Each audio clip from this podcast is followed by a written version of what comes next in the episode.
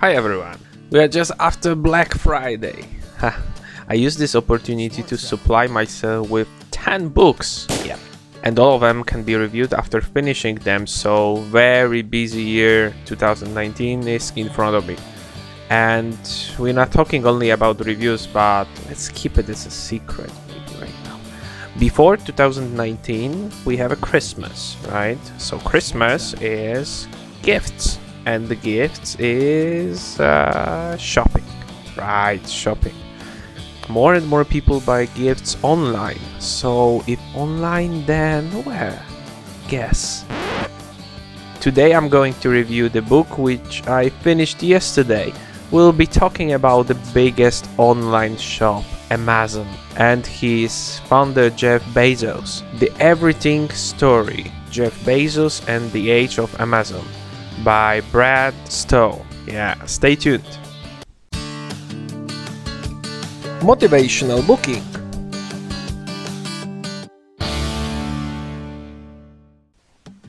When you think about the most wealthiest people in the world, probably the first that can that comes to your mind is Bill Gates, maybe Warren Buffett, maybe. But the truth is that they are not the wealthiest. Surprise, And the gap between the first and Gates is growing. Yeah. Jeff Bezos is on the top.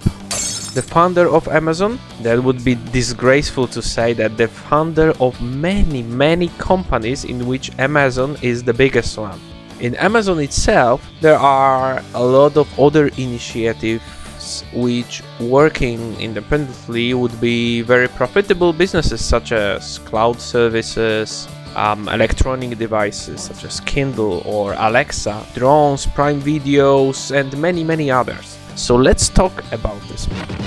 My version of a book has around 500 pages A5 format and consists of 11 chapters. I need to underline that the book comes from 2014 online business is very dynamic and almost five years is like a well yeah it's huge huge time. So you will not hear hear about the drones uh, that i mentioned or about the new headquarters in uh, new york that has been approved this month.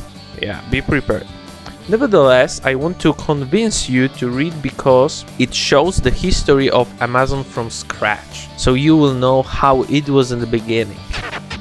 So in first chapters you will meet uh, Jeff, his story, how he worked for Wall Street and at the same point he decided to start something totally new in the unknown sphere of internet, right? No one knew what internet is taking and what is giving. So you see there the beginnings, uh, the top of decks from the doors, uh, first employees, and this enthusiasm of running a startup.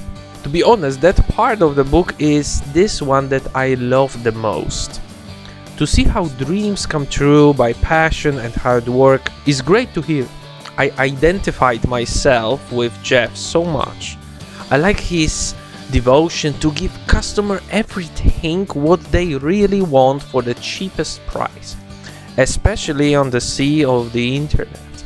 Read carefully this part as you really need to get to know Jeff's character and mission before going further.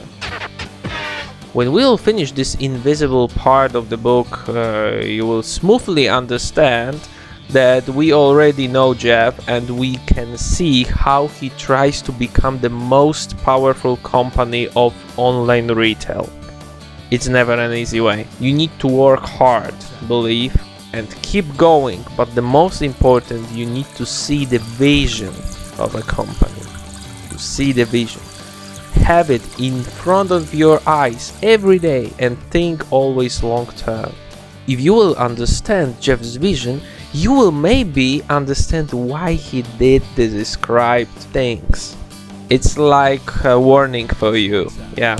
Because after the first rainbow of love to the brand, you will see the dark side of the Amazon. Very dark. What I mean is crashing competitors, playing around with taxes, bad practices for employees, and the most important, destroying small business. I don't know if you know Sam Walton. If you are in US, you know him very well. The founder of Walmart, the biggest retailer in US. The symbol of success, but also the destroyer of local business surroundings. I will only tell you that Walmart was the inspiration for Jeff, the biggest inspiration.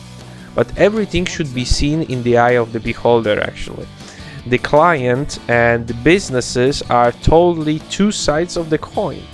What is best for customers can be disaster for the company. Looking at the problem like this, Jeff will always stand for the client side. Yeah. This is actually one of the famous Jeffism, constantly repeated quotes of Jeff. You will hear them everywhere in the book. I'm leaving the evaluation of the company to you. Most probably you bought a couple of things on Amazon in your life and also probably you have very positive feelings about the process. So do I. It seems like the dream of Bezos came true, but fortunately Jeff has many dreams, yeah. About most of them you will read in this book. The style of writing is very impressive. As you know, I read books now mostly in the bus, and if you read something in the bus, this should be something really interesting as a temptation to sleep in the morning or listen to music is quite big uh, in public transport. However, if we talk about this book, I didn't think about different stuff. I wanted to read and get to know Jeff better. How he became so successful, and actually, Brad Stone, the author, helped me significantly to find it out his objectivity, good style, personal investigation, and meetings with many of described employees makes this book very valuable. Very important thing about this book is also that it's not a glory of Amazon and Jeff. And on the other hand, it's not also a hate of the company. In my opinion, the book is written in very objective way. Good and bad practices of a giant. If I would rate this book, I would give it 8 in my scale. This is of course not the top, but the difference between 8, 9 and 10 is very slight. Definitely it's a book I really recommend to you. Very well written, interesting and eventually it's uh, it helps to understand Amazon vision of business. I believe it can be very good inspiration for all of you. So if you think about something extraordinary for Christmas, have an idea. Maybe you can buy this book actually, don't unpack it, and put this paper Amazon box with the bow under the tree. I think it's a very nice and funny idea. Okay, thank you guys for listening. As I told you at the beginning, I bought 10 really nice titles two days ago. I'm really excited. And for Christmas and New Year, I have also something special prepared for you.